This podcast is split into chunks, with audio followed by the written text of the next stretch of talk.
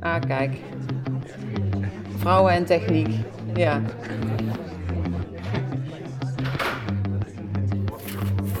Oké, Roos. We gaan beginnen.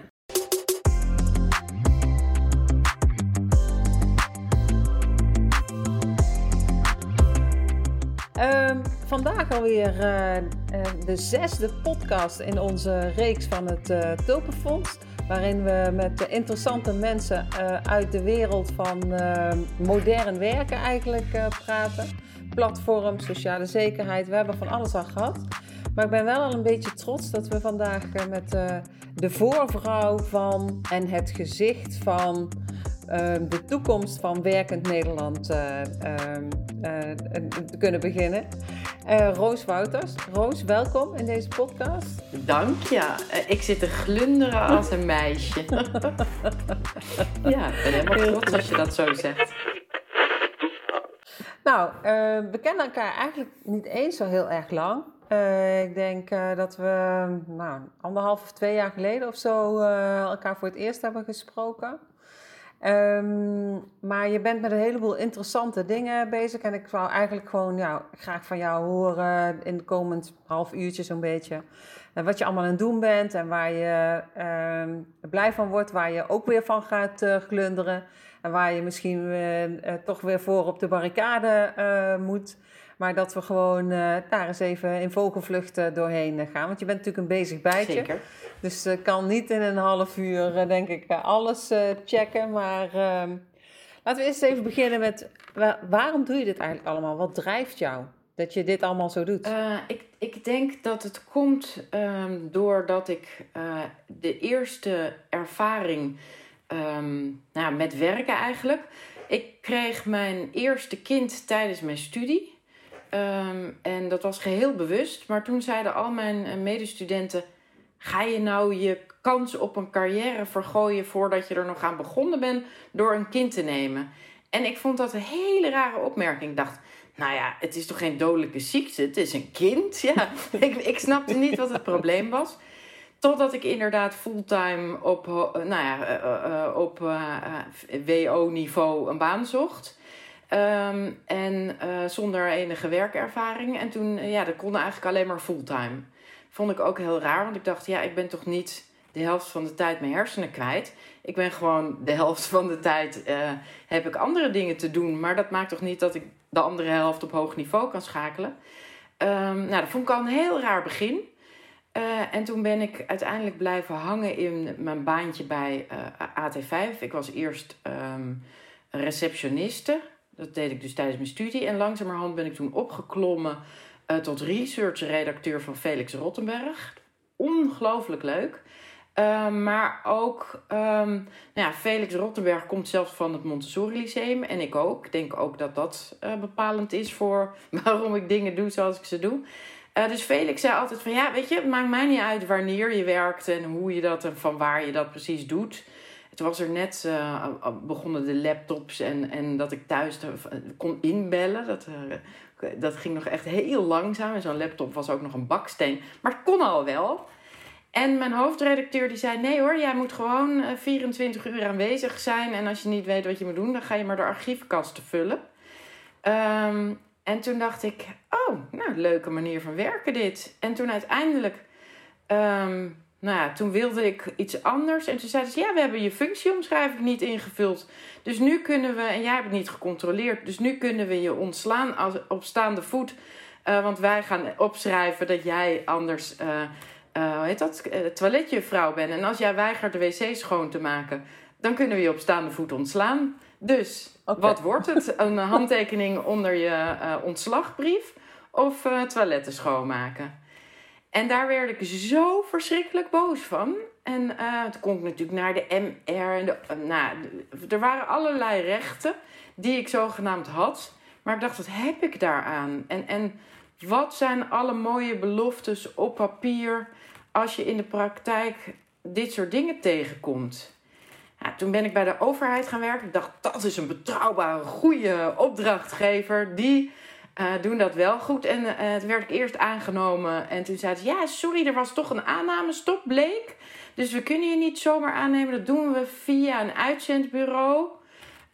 en we hebben alleen nog maar functies te vergeven op MBO-niveau, dus sorry. En dat, dat uitzendbureau werkt alleen maar met halfjaarcontracten. En met echt de meest slechte uitzend-CAO-voorwaarden die er ongeveer zijn. En toen dacht ik, oké, zover goed werkgeverschap bij de overheid. En nou, sindsdien ben, merkte ik dat ik niet de enige was die tegen al dit soort rare praktijken aanloopt. Toen ben ik uiteindelijk, dacht ik, nou dan ga ik wel voor mezelf beginnen. Ehm, en uh, nou ja, toen kwam ik er dus, liep ik er tegenaan dat ik dacht, oh maar hoe moet ik dan mijn arbeidsongeschiktheid en mijn pensioen regelen? Ja, en in het begin vond ik dat heel spannend en wilde ik dat echt acuut geregeld hebben. En ging ik elke dag googelen naar hoe, hoe en, uh, en dan zeiden ze allemaal dingen die ik dan moest organiseren. Um, waarvan ik dacht, ja, dat is leuk, maar ik weet niet eens of ik 300 euro inkomsten heb in deze maand. Dus nou ja, als ik dat meteen aan mijn AOV moet uitgeven. Uh, en ik heb ook inmiddels twee kinderen en een man. Ja, ik kan niet zeggen, jongens, ik heb 300 euro verdiend, maar ik hou niks over. Sterker nog, uh, jullie moeten mij betalen om te werken. Um, ja, en daar, zodoende ben ik eigenlijk steeds, heb ik eigenlijk gedacht, waarom hebben we de arbeidsmarkt zo ingericht als die is? Wie doen we hier eigenlijk een plezier mee? Zijn de mensen die dan wel dat vaste contract hebben bij de overheid, wat ik ooit zo graag ambieerde, zijn die dan wel gelukkig? Nou, dat had ik ook kunnen zien. Uh, dat die ook niet altijd zo gelukkig waren. Ik, ik, werkte toen bij VWS en dan zag je die enorme torengebouwen met voor elk raampje hadden ze een paarse krokodil staan. Want kennelijk hadden ze die op een gegeven moment een kerstpakket of zo uitgedeeld. En ik werd er allemaal zo droevig van dat ik dacht, maar hoezo werken we zoals we werken? Hoezo hebben we die, al die zekerheden aan dat contract gekoppeld? Hoezo uh, nou, toen werd ik uiteindelijk, uh, ging ik voor mezelf beginnen. Dat was dus helemaal niet vrijwillig. Ik was een van die mensen die er eigenlijk vanuit het UWV ingedwongen werd. En uh, dat ze zeiden, ja, weet je, moet jij niet voor jezelf beginnen? Dat ik achteraf dacht, ja, zo zijn we uit, ben ik uit jouw kaartenbakje gekomen. Maar ja, is dat een oplossing? Nou, voor mij wel, want ik vond het echt heel erg fijn. Um, maar als, als ik dan mensen over ondernemerschap hoor, dan denk ik, nou, zo ondernemend ben ik niet dus ja, dan, ik had me toen op een gegeven moment dacht ik, ja, dan ga ik me aansluiten bij een ondernemersvereniging. En, en dan ga ik allemaal meedoen aan enquêtes. En die enquêtes snapte ik niet eens. Ik dacht, de fiscale wat en wat en wat. En dan ik dacht, oké, ik ben dus ook geen ondernemer. En ik ben geen werknemer. En ik vind dat het me heel moeilijk wordt gemaakt om te werken. Terwijl ik werken heel leuk vind. Uh, en dat zo lang mogelijk, zo prettig mogelijk um, zo gezond mogelijk wil doen. Um, nou, toen ben ik gaan kijken van wat heb je daar dan voor nodig? Wat, en ben ik dan zo anders dan andere mensen? En um, nou ja, ik heb wel gemerkt, ik doe dus sneller iets wat andere mensen, uh, waar andere mensen van dromen. Maar heel verschillend van de meeste mensen ben ik nou ook weer niet. Ik zeg het alleen iets eerder en ik denk het niet alleen maar zachtjes voor me uit, maar ik ga dat ook roepen op radio en in de krant en stukjes schrijven. En uh, ja, wat dat betreft ben ik misschien iets brutaler. Maar ja, zodoende ben ik hiermee begonnen. Gewoon heel veel slechte ervaringen met rare werkgevers. Ja, oké. En uh, vind je dat dat. Uh, is, is dat inmiddels veranderd volgens jou? Welke kant beweegt dat op? Hoe bedoel je? Wat is veranderd? Dat werkgeverschap? Nou ja, als je kijkt naar die slechte, naar die slechte ervaringen en je kijkt naar van, en je kijkt daar nu op terug en je vergelijkt dat met wat de situatie nu is, gewoon in zijn algemeenheid. Hè? Dus mm -hmm. werkgevers, werknemers, zelfstandigen, uh, modern werkende, whatever. In Nederland vind jij dat het de goede kant op beweegt? Of zeg je van nou, uh, uh, nee, het gaat de verkeerde kant op. Als je zou nee, het gaat de verkeerde kant op. Ik denk, uh, kijk, toen, toen ik onderzoek ging doen naar wat hebben mensen nodig om optimaal te kunnen functioneren, dan uh, blijkt daaruit dat zowel werkgevers, werknemers, hele ondernemende mensen, minder ondernemende mensen, wat ze willen is als ze een risico. Dus ja, je moet steeds nieuwe dingen leren. In deze arbeidsmarkt is de, de, nou ja, de, het verandersnelheid is gigantisch toegenomen. Dus je moet heel adaptief kunnen zijn. Nou, als je voor jezelf werkt, moet je dat nog meer zijn. Als je werkgever bent, meer dan werknemer. Maar uiteindelijk moeten we dat allemaal. Wat hebben mensen daarvoor nodig om zich dus makkelijk aan te passen? Dat is het gevoel dat als ze iets nieuws proberen en ze falen, dat ze daar niet keihard op afgestraft worden. Of uh, dat ze daar dus ook niet hun zekerheden door verliezen. Dus als ze vallen, dat ze niet te pletter vallen. En toen dacht ik, ja, grappig, want in, het vaste, uh, in de vaste baan heb je eigenlijk de meeste zekerheden, maar word je niet per se nou gestimuleerd om heel adaptief te zijn. Als ik kijk, ja, en, en bij ondernemende mensen, uh, die werkgevers of, of, of ZZP'ers Um, ja, die hebben weer gigantisch veel risico's. Die doen het dan eerder omdat het waarschijnlijk, uh, nou ja, dat ze meer dat in hun karakter hebben. Maar dat is wel wat nu niet door de overheid gestimuleerd of beloond wordt. Dan wordt het de flexibilisering van de arbeidsmarkt. En dat schijnt een hele ernstige ziekte te zijn, die flexibilisering. Waar we zo snel mogelijk van af moeten komen. Dan denk ik, hé, ik snap, ik, ja, dan weten we dus dat we mensen eigenlijk hun hele leven lang moeten blijven doorleren. Zoveel mogelijk zich moeten aan kunnen passen, snel, makkelijk. Dus dat betekent ook dat als je het ene moment bij de, uh, nou ja, al jarenlang bij de bank hebt gewerkt. En van de ene dag op de andere dag kom je op straat te staan. Dat je gewoon in staat moet zijn om een nieuw trucje snel je aan te leren. Nou, stimuleren we daar mensen nu op? Totaal niet. Uh, terwijl ik wel denk, ja, dit zijn um, de dingen die we van mijlenver zien aankomen. We zijn een gigantische uh, wereldeconomie geworden. Uh, ja, hoe gaan we daarop inspelen? Nou, dat vaste contract is wat mij betreft niet de oplossing. En op de een of andere manier is de, nou ja, de commissie Borstlab... wordt door alle politieke partijen ongeveer aangehaald om te zeggen: het vaste contract moet weer de norm worden. Terwijl het vaste contract dus precies niet dat faciliteert of stimuleert waarvan ik denk dat werkende mensen nu op dit moment nodig hebben. Oké, dus jij zegt het, uh, het beweegt eigenlijk uh, weer, uh, het, het probeert iets ehm, weer terug in de, in de geest weer terug in de fles te krijgen of zo. En met, dat, met, met die baan, met dat, dat continu focussen op die vaste baan, tenzij en al die uitspraken die overigens uh, wel een goed haakje wat jij uh, zei over, uh, over borstlappen. Want ik heb ook wel eens een beetje het idee dat dat rapport inderdaad te pas en te onpas wordt gebruikt om datgene eruit te halen. Het is natuurlijk een enorm rapport, dus er staat wel ergens een zinsnede in die, waar jij je voordeel mee kan doen. Uh, maar de totale context.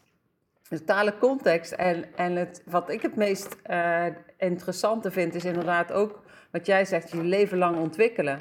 Waar hij echt voor staat. Hè? En, en die, die flexibiliteit en wendbaarheid. Uh, misschien ook wel binnen een arbeidscontract of binnen een overeenkomst uh, organiseren. Om dat in ieder geval te stimuleren. Uh, heb jij dan nog andere dingen uit dat rapport waarvan je zegt van ja, dat, dat dat eigenlijk wordt hij daar een beetje in miskend, of miskent hij zichzelf misschien wel daarin. Misschien wel dat die vaste baan tenzij. Nou, wat hij eigenlijk zegt is. Want jij hebt hem ehm, recent nog gesproken volgens mij. Ja, wij hebben hem 1 uur en 40 minuten lang gesproken voor de podcast Werken aan Nederland. Oké. Ehm, dat is de podcast van de werkvereniging. En waarom zo lekker lang? Omdat ik dacht, ja. Ehm, dit is toch een. Ja, ik wil geen soundbites van deze man. Ik wil gewoon echt een lekker informeel gesprek waarop je echt ja, kan doorgronden van waarom alleen maar juristen. Hoe zijn jullie dat rapport dan begonnen? Wat was het doel? Uh, um, want het is natuurlijk eigenlijk heel raar als je gaat kijken hoe je de toekomst van de arbeidsmarkt. Uh, op, hoe je je daarop gaat voorbereiden en dan alleen maar juristen vraagt. Want als je ziet wat er nodig is, dan denk je ja, in alles flexibilisering. Je moet adaptief zijn. Nou ja, als er nou iets, uh, als je vraagt aan een jurist om iets te doen, dan zal die de letter van de wet erbij gaan halen. Want ja, dat is zijn gereedschap. En dat staat nou niet bekend als het meest flexibele. Uh, ja, dat wordt dan meteen in steen gebeiteld. En dan denk ik, ja, is dat een manier waarop je ja, arbeidsmarktvernieuwing teweeg wil brengen. Uh, nou, dat hebben we hem ook gevraagd en dat vertelt hij inderdaad. Van, van ja, dat is eigenlijk misschien niet zo handig geweest. En bovendien is het vaste contract. Um, hij zei ja, die, die drie rijbanen zijn wat mij betreft de overgangssituatie naar een gelijker speelveld. En ja, ik zei, mijn Pavlov van zo'n gelijker speelveld, omdat ik zelf een ZZP'er ben, denk ik, ja, hoe de meeste partijen nu een gelijker speelveld uitleggen, is voornamelijk dat ze mij het werken moeilijker en duurder willen maken en me dingen aan willen smeren waar ik niet op zit te wachten. Niet omdat ik denk dat ik onkwetsbaar of onsterfelijk of omdat ik denk dat ik het niet nodig heb, maar omdat het niet uh, op mij gemaakt is. Dus uh, ze willen dat ik een hele, uh, nou, wat mij betreft, dure skiek aanschaf. Die me te klein is of veel te groot is, waardoor hij niet doet wat hij moet doen. Dan denk ik, ja, ik ben wel voor een skiek, zou ik maar zeggen, om lekker warm en beschermd te zijn. Maar dan wil ik er wel graag één, als ik er toch één aanschaf, die me ook past. Ja, ja, en, een beetje ehm, modisch verantwoord ook, hè? Toch? Het liefst, ja, zeker. Ik heb dan toch graag dat ik hem zelf mag kiezen, inderdaad. Dus keuzevrijheid vind ik vrij belangrijk en dat hij me past, ja. Ja, ja dat, dat denk ik nu, dat dat, uh, nou, dat gelijker speelveld, dan denk ik, je bedoelt, ik, ik, eigenlijk maak je het speelveld nu zo dat je me weer allerlei dingen opdringt die wel bij me passen als ik een werknemer zijn. Maar ik ben geen werknemer.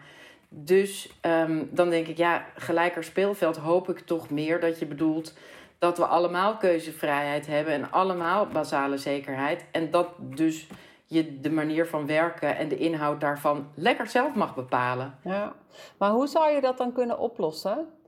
Uh, want, want wat ik bijvoorbeeld uh, merk, uh, is dat, ehm, dat er best wel langzamerhand ideeën zijn over ehm, nou, inderdaad het organiseren van sociale zekerheid voor mensen die niet in aanmerking komen voor werknemersverzekeringen. Laten we het dan maar even zo formuleren.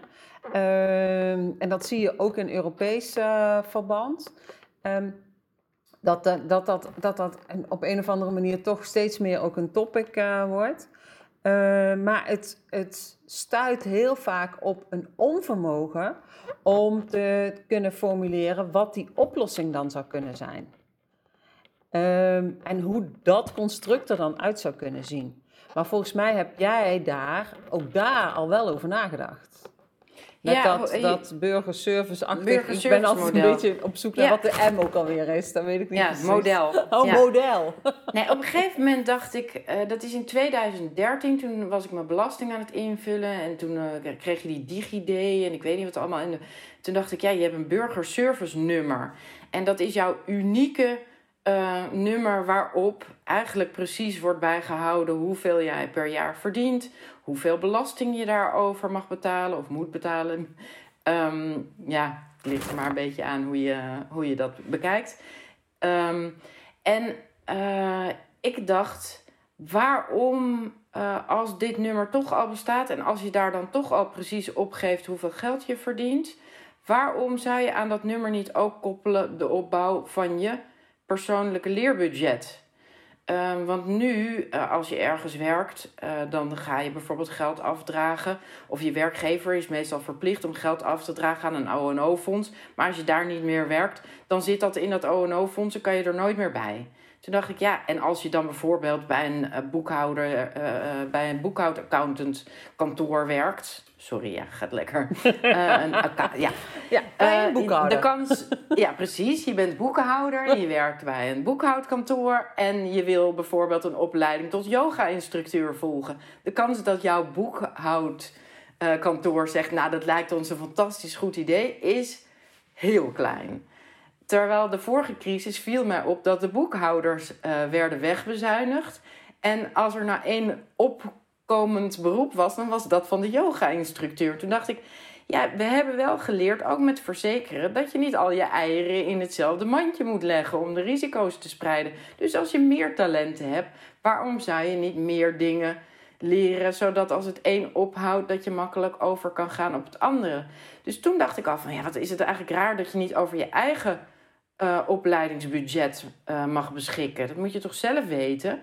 En ja, ik vind wel dat je daar ook verantwoordelijk voor bent, dat je dat dan ook op tijd moet gebruiken.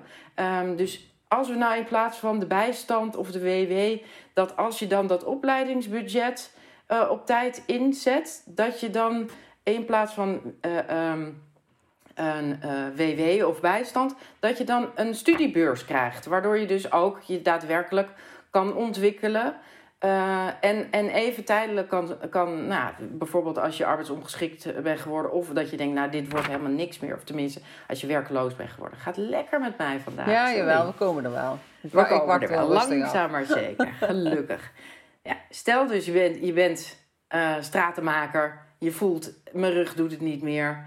En je hebt nooit je opleidingsbudget gebruikt om iets anders te leren dan uh, hebben we, ja, had ik bedacht, oké, je krijgt dus aan jouw burgerservice nummer, die ziet hoeveel geld jij verdient, of dat moet je opgeven, daarvan moet je zoveel belasting betalen. En als je nou gewoon ook automatisch zoveel geld in je opleidingspotje stopt en daaraan vastgekoppeld is, als je dat op tijd daaruit gebruikt, en je gaat je, je opleidingsgeld gebruiken, dat je dan ook een studiebeurs daaraan gepast krijgt. En hoe beter je in jezelf investeert, hoe hoger je beurs. Hoe minder je investeert, hoe lager je beurs. Waardoor je ook daadwerkelijk gestimuleerd wordt om in jezelf en in je eigen ontwikkeling te investeren. En dan voelt het niet meer als een uh, moedje van je bedrijf, wat van je af wil komen als je defect bent. Maar dat je daadwerkelijk ziet als iets wat je in jezelf investeert. En datzelfde geldt, wat mij betreft, voor nou ja, je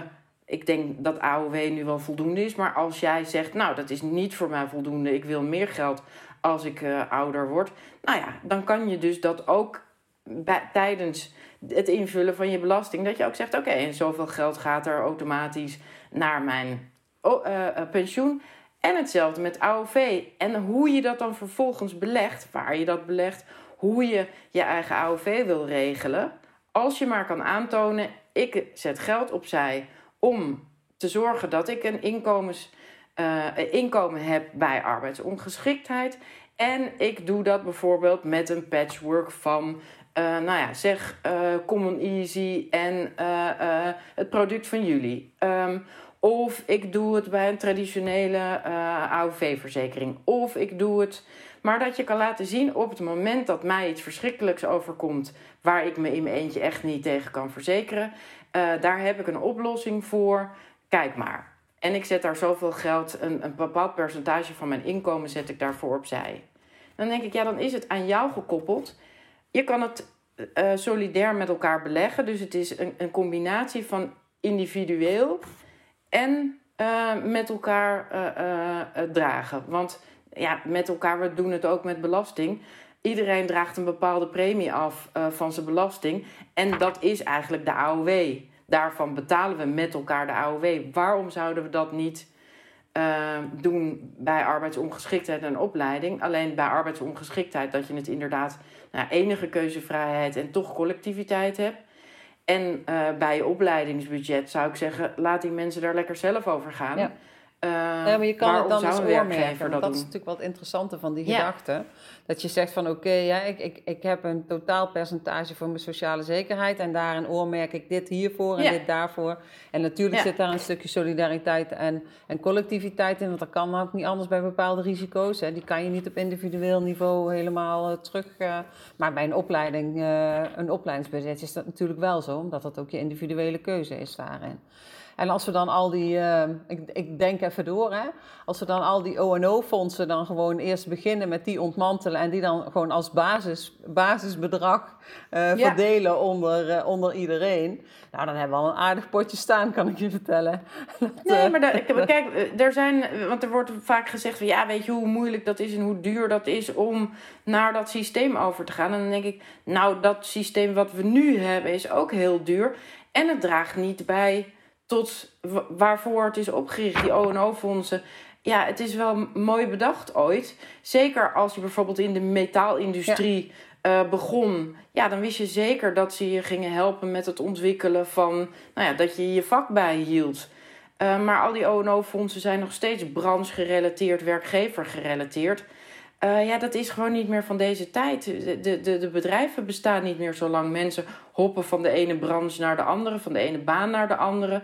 Al dat geld blijft in die opleidingspotten zitten. En als we nou één ding zeker weten, dan is dat eigenlijk dat je zekerheid, dat vond ik zo mooi, dat Borstlap zei dat ook, zit eigenlijk in je eh, de mogelijkheid om adaptief en wensbaar en, en uh, nou ja, je, je snel aan te kunnen passen, dat is de moderne zekerheid. Ja.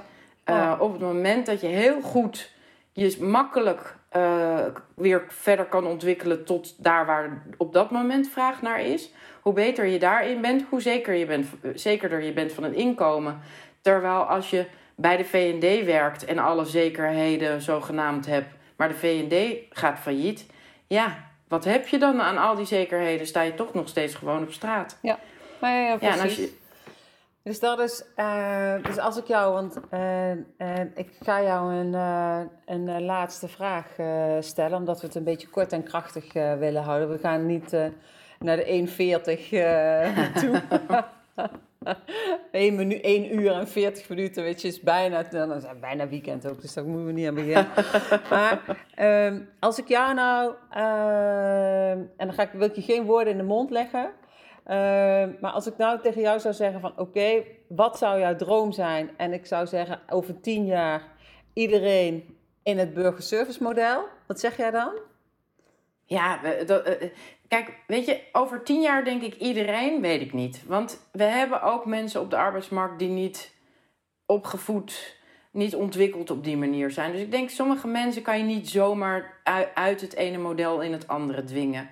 Maar iedere nieuwkomer die op de arbeidsmarkt komt, ja, uh, laten we een tweesporenbeleid doen. En iedereen zoals ik, en ik denk jij ook, die zegt: Oké, ik wil heel graag meer uh, regie, meer autonomie, uh, meer zeggenschap. Ik wil over van het ene stelsel naar het andere. Uh, ja, dat, dat moeten we stapsgewijs kunnen organiseren. En dat moeten we binnen tien jaar kunnen organiseren. Oké. Dus ja. Mooi. Dan zeg ik Roos voor president. Ja, dank je. ik teken. Dank je wel. dank je wel, graag gedaan.